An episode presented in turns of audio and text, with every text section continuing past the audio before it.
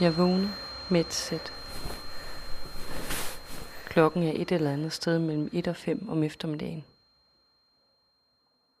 Ved siden af mig ligger der en og snorker i en positur, jeg ikke helt kan gennemskue. Det er Peter. Jeg rusker i ham fabrilsk og råber, at han skal vågne. Jeg kan ikke rejse mig. Så jeg vælter ud af sengen og kravler hen over stuegulvet og op i sofaen. Gulvet er som en stor forhindringsbane. Fyldt med flasker, dåser, glas, fyldte askebærer og plader.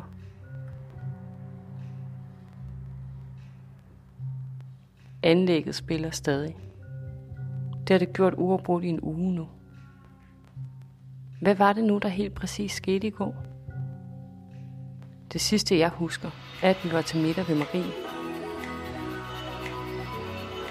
Hvordan var vi overhovedet kommet derfra? Og hvorfor føles det, som om jeg var gået ind i et skilt? Jeg kalder på Peter. Han svarer ikke. Leder efter spor på min telefon. Finder nogle billeder af Peter, der spiller skak med min næse. Og en video, hvor vi laver en danserutine på en romaskine. Jeg ringer min søster op. Hun tager den ikke. Peter stod op, men han kan næsten ikke gå.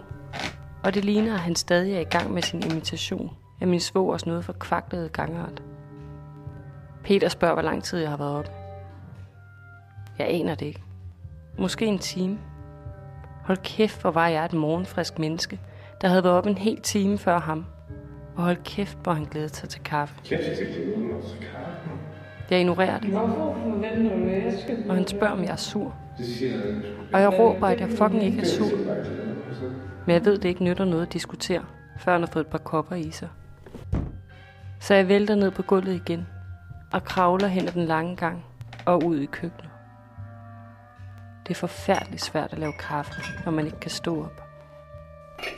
Med kaffekanden i den ene hånd får jeg moslet mig selv tilbage i stuen. Peter sidder bare og stiger ud i luften.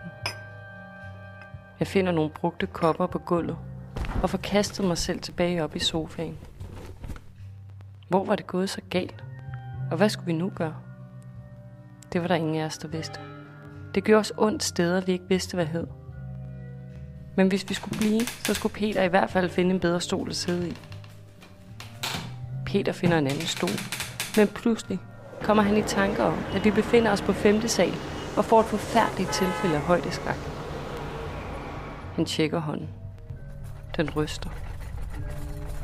Hånden har været vores målestok hele ugen, og hver dag er den begyndt at ryste tidligere og voldsommere. Det var ikke et godt tegn. Vi havde ikke mere alkohol. Vi havde drukket rup og stup. Peter påstår, at han havde været klar til at gå i seng, da vi kom hjem sidste nat. Men jeg havde åbenbart troet Peter med, at jeg ville gå i seng, hvis han bare skulle sidde der og ikke drikke noget. Det kunne Peter ikke have på sig. Og så tømte vi alt. Hvad var der sket med os? Det hele var startet så godt for en uge siden. Peter var dog blevet smidt af toget i Ringsted. Han havde ellers forberedt en tale, der handlede om liv og død. Han skulle passe sin søsters børn. Hun var frontpersonale, og manden lå dødssyg med corona, og derfor havde han ikke nået at købe en billet. Men den historie nåede kontrolløren slet ikke at høre. Han var en rigtig regelrytter fra Tyskland, og toget ville ikke køre nogen vegne, før Peter stod af. Overraskende nok stod Peter af og købte en billet for første gang i mange år, for så at tage et andet tog mod København et par minutter senere. Og endnu mere overraskende ankom Peter i fremragende humør. Vi valgte at lege, at det var nytår den aften. Så har vi og de næste dage gik det også glimrende. Vi skulle egentlig lave en podcast om skak. Det er ikke en hest, skulle den hedde. Men vi nåede aldrig længere end til at tænde for optageren. Vi fik vist ikke engang spillet et enkelt spil. Men der skulle jo også være plads til kvalitetstid. Vi gik lange ture. En af dagene over til AH, så vi kunne udveksle forsinkede julegaver. På vejen derover kom en mand gående mod os, som stirrede så kraftigt ned i sin telefon, at han slet ikke så os. Vi blev naturligvis på vores kurs, og ventede bare på sammenstødet. Peter havde endda fundet sine handsker frem, så han også lige kunne give ham et par dask i ansigtet ved samme lejlighed. Men desværre opfattede manden, at der fandtes en verden omkring ham, et par sekunder før virkeligheden ellers ville have ramt ham. Ved AH fik jeg en meget flot trøje fra en genbrugsbutik i Polen, og hun fik et indrammet billede af mig på min trapez, kun iført nissehue. Det blev hængt op i stuen med det samme. Peter og jeg havde ugens første tømmermænd, og havde endnu ikke fået noget at spise.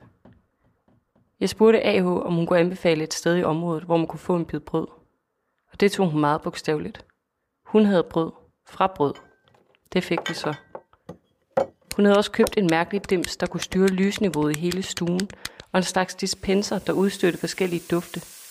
Jeg var meget begejstret og ville også eje det hele. Om aftenen lavede vi restaurante. Vi havde brugt tre timer på at lave kartoffelpizza nok til hele ugen.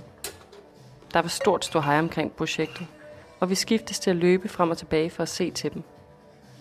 Peter blev ved med at vælge over mine støvler, der stod på gulvet midt i stuen.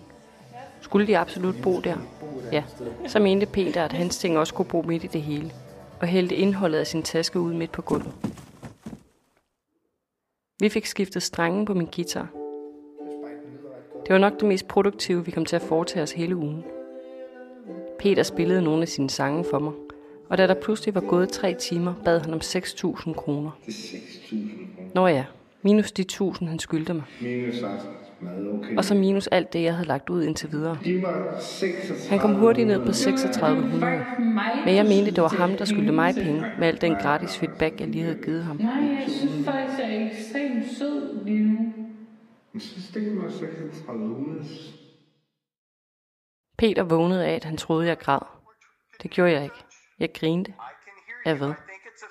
Af en video, hvor en dommer og en advokat holder et Skype-møde. Men advokaten havde et filter på, så han ligner en kat. Det sjoveste var nu, at advokaten følte et behov for at forsikre dommeren om, at han altså ikke var en kat i virkeligheden. Peter forstod det ikke helt, men da jeg senere gengiver videoen for Anna og Rasmus, synes han alligevel, det lød meget sjovt. Vi var gået over til dem på Nørrebro for at drikke kaffe. Jeg havde sørget for, at vi kom til pas sent, så at vi nok skulle blive inviteret til at spise med. Min jæse legede med en hoppebold, som på et tidspunkt på forunderlig vis ramte Peter lige midt i panden. Hvilket gav ham nervøse trækninger resten af aftenen. Efter maden spurgte Anne, om vi ville have kaffe. Vi kiggede begge instinktivt på uret. Ikke fordi det nogensinde er for sent for os at drikke kaffe, men fordi man af en eller anden sindssyg årsag ikke kan købe alkohol efter kl. 22. Kunne vi nå det? Vi fik en enkelt kop og gik så afsted. Rasmus fortalte om en installation, som han havde stået for i forbindelse med Lysfestivalen. Den skulle vi da tage hen og se. Ja, men det kunne ikke blive i aften. Torsdag skulle Peter i studie. Og jeg mødte ham på Nørrebro for at se verdens mest ligegyldige lysinstallation i minus 1000 grader. Jeg fortalte Peter om min tur med metroen. Tre drenge løb ind og ud af toget, og da den tredje så ikke kom med, pegede og grinte de to andre af ham. Det var vist en leg. Men da vi så kom til næste station, stod de to alligevel af og ventede på den tredje. Det sagde ikke Peter så meget. Jeg tror, han var irriteret over, at de ikke var blevet færdige i studiet, og han skulle derhen igen næste dag. Mix og Thiers havde foreslået en gang i løbet af formiddagen, hvor til Peter havde svaret, at hvordan fanden skulle han så kunne nå at drikke tre flasker vin og 24 øl? Nej, det måtte blive hen ad dagen i stedet. Peter og jeg prøvede at finde ud af, hvad vi skulle spise, og ikke mindst, hvad vi skulle drikke og hvor meget, da Lasse ringede.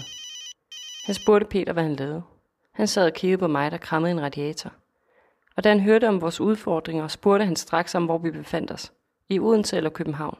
København. Nå, han hilste. Jeg endte med at lave sparsuppe til os. Og i forhold til alkoholen besluttede vi os for, at der bare ikke skulle være for lidt. Og så måtte vinen aldrig være under 13 procent. Øh, i øvrigt mente Peter, at en god vin skulle bedømmes ud fra, hvor den fører samtalen hen. Hvor han skulle til at blive vinanmelder. Det skulle jeg i hvert fald ikke. Peter åbnede vinen og kylede proppen hen ad gulvet, mens han erklærede, at det var sådan, jeg drak vin. Man skulle sgu ikke bruge proppen igen. Vi fik spist før kl. 21.30 og følte os helt voksne og korrekte.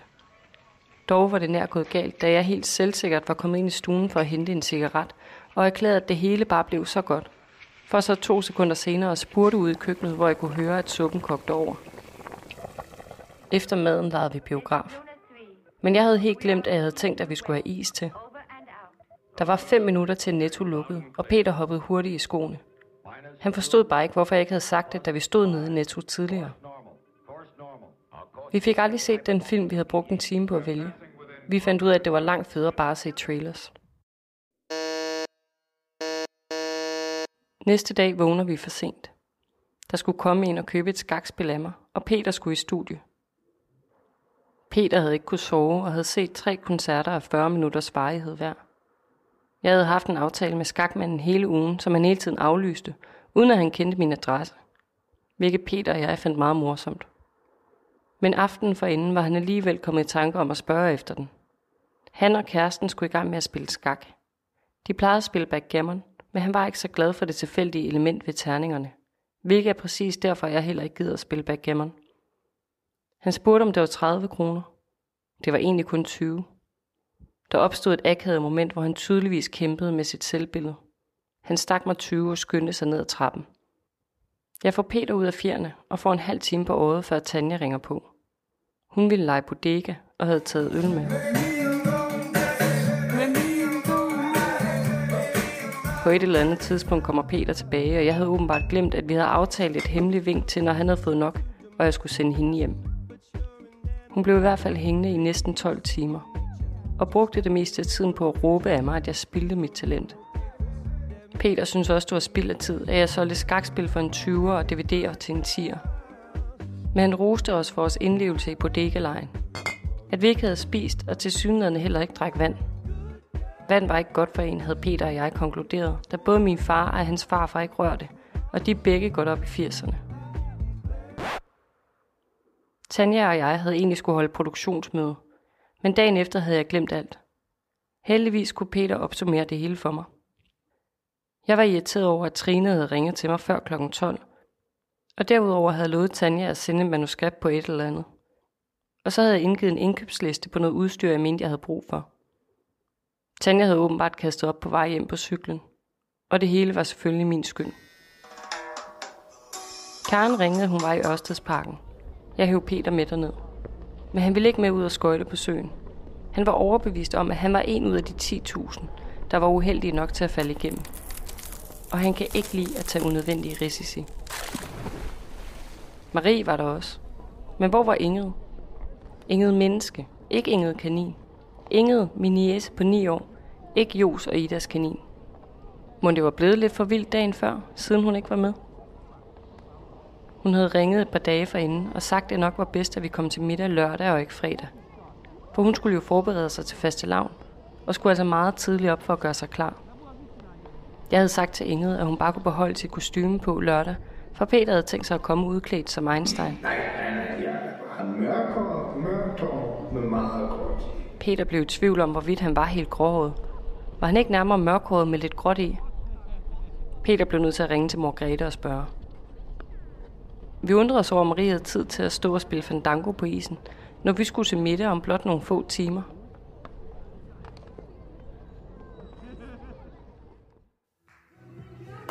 Et par timer senere var vi i hvert fald vældig selvtilfredse over kun at komme en halv time for sent.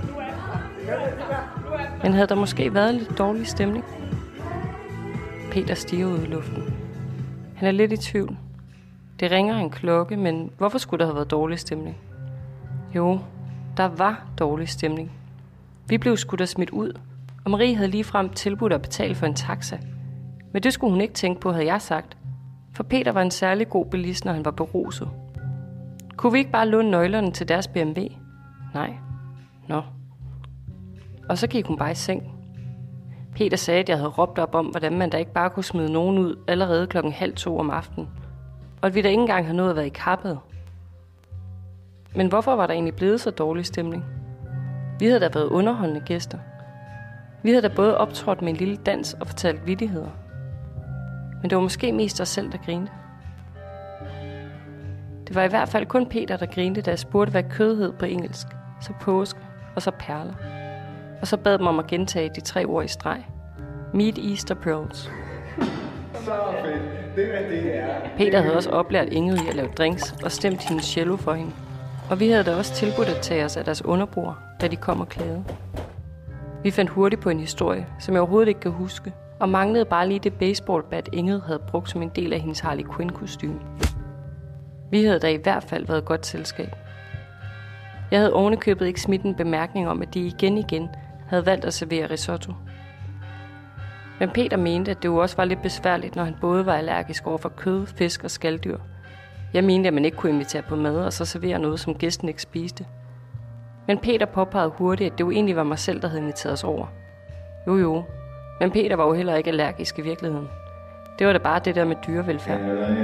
Nej, det var da bare noget, han lød som om. Men var det egentlig ikke også baby Vera, vi havde planer om at besøge? Baby ikke haner, som ikke interesserer mig. Jo, det var der vist noget om. Peter var i tvivl om, hvis baby det nu var. Det er Karens. Karens. Nej, så gik det ikke. Hvorfor? Peter var overbevist om, at Karen ikke kunne lide ham. Nej, fordi Karen kan ikke lide mig. Jo. Men jeg var sikker på, at hans hjerte ville smelte, når han så baby Vera.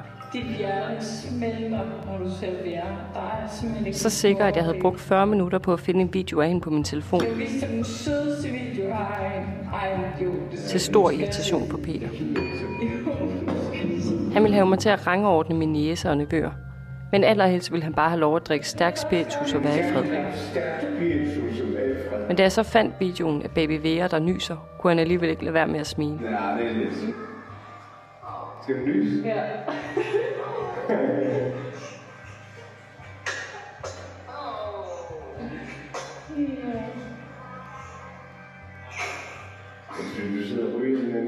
Jeg havde endnu engang spurgt, om vi så ikke skulle tage over og besøge dem. Men nu havde han jo set hende. Marie ringer tilbage. Hun lyder ikke glad. Jeg siger nervøst tak for i går. Hun svarer med en ironisk stemme. Det havde åbenbart føltes, som om hun havde været med i et skuespil. Jeg forstår ikke helt, hvad hun mener. Men det føles ubehageligt, så jeg vælger ikke at gå mere ind i det. Peter mener, at det er meget normalt at blive lidt utilpas, hvis man ikke helt forstår, hvad der sker omkring en. Eksempelvis havde Peter været i IKEA med Jos og bestilt en hotdog sandwich. Det havde hotdog sandwich kvinden ikke kunne forstå, og det blev mere og mere ubehageligt i takt med, at de to havde gentaget hinanden. Altså en hotdog. Ja, en hotdog sandwich. En hotdog. Ja tak, en hotdog sandwich. Til sidst var hotdog sandwich kvinden blevet så utilpas, at hun havde bedt en kollega tage over. Men hvad havde der egentlig været at forstå? Var det måske vores annoncering om, at vi havde søgt om adoption af et lille barn fra Kina? Og hvis det blev en dreng, skulle han hedde Jens Herlikus Simeoni, ligesom Maries mand, udover at han hedder vold og ikke kust. Det blev måske lidt for meget. Måske troede hun, vi lavede grin med ham. Måske var det også for meget, at Peter slog i bordet både ved fornavnet, mellemnavnet og efternavnet. Men det var da Marie selv, der havde spurgt, om vi da havde noget at annoncere, da jeg inviterede os på middag. Så selvfølgelig havde vi forberedt noget. Anne gav mig i øvrigt ret i, at det var uhøfligt, at de ikke selv havde inviteret os. Marie kørte med på den i starten og spurgte om, hvorfor vi ikke ville forsøge os med inseminering. Det var alt for dyrt, at Peter på vej ud på toilettet. Jeg overtog og viskede til Marie, at det i virkeligheden handlede om, at Peter havde meget dårlige gener. Og jeg synes, det var synd for vores datter, hvis hun skulle blive gråhåret som 15-årig. Peter kom tilbage, satte sig ned og så på Marie med et blik af, at han virkelig skulle til at krænge hjertet ud.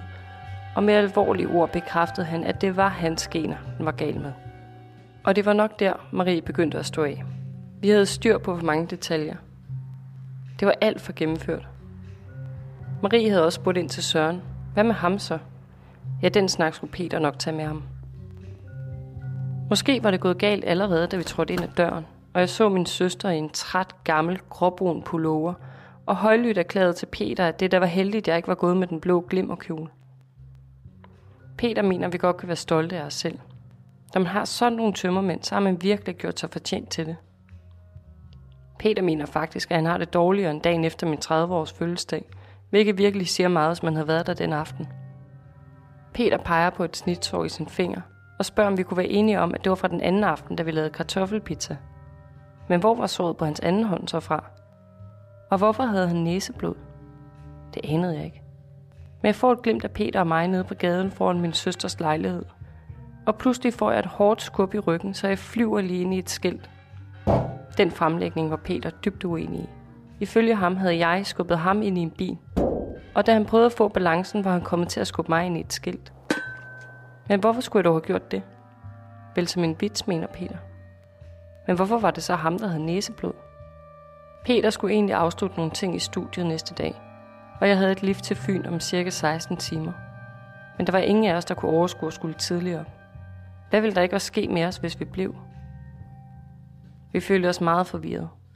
Det eneste, vi vidste med sikkerhed var, at vi ikke kunne tåle hinandens selskab længere. Vi måtte væk fra hinanden, ellers ville det gå helt galt. Måske lidt ligesom Eik og Iben. Måske havde vi virkelig opbygget et skuespil, hvor alle andre bare var ufrivillige deltagere. Måske var vi selv blevet ufrivillige deltagere. Det var som om alt, hvad vi foretog os, var en leg. Intet af det var virkeligt. Måske fordi ingen af os bryder os særligt meget om virkeligheden. Det er nok bedst, vi stopper, mens lejen er god. Peter havde aldrig oplevet en situation, hvor den sætning rent faktisk gav mening. Ja, vi bliver nok nødt til at afbryde eksperimentet før tid. Han mente også, at vi havde brug for en ferie oven på alt det her. Vi havde også været rigeligt sociale, men det var vist også anbefalingen disse dage. Så vi besluttede os for at rejse. Og jeg pakkede hurtigt en pose og vandede planter, men så kom vi til at sætte os ned igen, og åbenbart havde vi pludselig brugt halvanden time på at gennemgå de mulige scenarier, der kunne opstå. Vi vidste begge, at vi måtte væk fra hinanden. Men jeg havde samtidig en frygt for at være alene. Ikke mindst fordi Peter havde fortalt mig, at man ikke bare kunne stoppe med alkohol efter et længerevarende indtag. Og pludselig følte jeg mig som den tredje dreng på stationen, som står alene tilbage, mens de to andre griner og peger og kører afsted mod mørket. Jeg prøvede at overtale Peter til at følge mig hele vejen til Svendborg, selvom han kun skulle til Odense. Det ville han ikke, men han ville gerne blive i København, hvis det var sådan, jeg havde det. På vej mod stationen kigger Peter sig forskræmt omkring. Han ved ikke, om det er ham eller alle andre, der er fuldstændig vanvittige. Men når man siger sådan noget, er det jo som regel en selv. Var vi gået for langt i vores idealisme om, at der ikke findes nogen regler for, hvad der er rigtigt og forkert? Og at det mest forkerte er at moralisere? Havde vi endelig mødt vores egen moral? Eller var vi bare ikke gået langt nok? På hovedbanen bliver alting endnu mere forvirrende. Af en eller anden grund kan jeg ikke købe en togbillet direkte til Svendborg. Jeg ender med at bruge en halv time med en DSB-kvinde for at løse det, og samtidig står Peter i behørig afstand og kigger skræmt og forvirret på os. Hun stikker mig en billet, som jeg slet ikke aner, hvad jeg skal bruge til. Og i toget føles alt forkert. Hvad nu, hvis jeg strander i Odense med Peter? Hvad sker der så? Peter skulle ud til sin mor og sige tillykke med fødselsdagen, eller Happy Valentines, eller sådan noget. Hvad var det nu, jeg skulle på Fyn? Til Esbjerg og køre donuts på isen. Det forstod Peter slet ikke, hvad det betød. Jeg ringer til Søren og forklarer min situation. At jeg måske ikke kan komme hele vejen til Svendborg. Det er første gang, han ikke tilbyder at komme og hente mig. Peter og jeg er lige forundrede. Men der er åbenbart en OB-kamp. Kontrolløren kommer mod os, og Peter advarer mig og siger, at han nok kommer til at lave en scene og sige nogle ting. Men det skal jeg ikke tage mig af. Jeg viser min billet, og da det kommer til Peter, svarer han, at han ikke har en, fordi der opstod forvirring på stationen. Og han troede, jeg havde købt en til ham. Det var nok på grund af det med Arriva, mente kontrolløren. Det var det nok, skyndte vi os at sige, uden at ane, hvad manden snakkede om. Han bad os købe en ny billet. Men det endte med, at vi intet gjorde. Det samme galt kontrolløren. I noget tid sad vi i tavshed og forvirring. Men var det i virkeligheden ikke Marie, der var blevet skidefuld og havde fundet på upassende historier? Var det egentlig ikke også hende, der ville ud og køre midt om natten? Og os, der havde sagt fra? Hun skulle jo til Rørvig dagen efter med familien. Jo, det var da egentlig sådan, det hang sammen. Hun bad og tækkede os om at blive. Ja, det lød meget mere rigtigt. Var det i virkeligheden ikke os, der tækkede og bad om at få lov til at tage en taxa væk derfra? Og hende, der ikke kunne finde at stoppe, mens lejen var god. Det var da præcis sådan, det hele hang sammen. Puha. Vi følte os begge to helt lettet over at finde ud af, at det ikke var vores moralske kompas, der var helt galt med. Og det i virkeligheden er alle de andre, der er fuldstændig vanvittige. Jeg sagde farvel til Peter med en følelse af, at jeg havde ham lidt mere, men elskede ham lige højt. Og jeg tror, følelsen var gengældt. Selvom han påstod, at det bare var mig selv, jeg havde lidt mere. I'm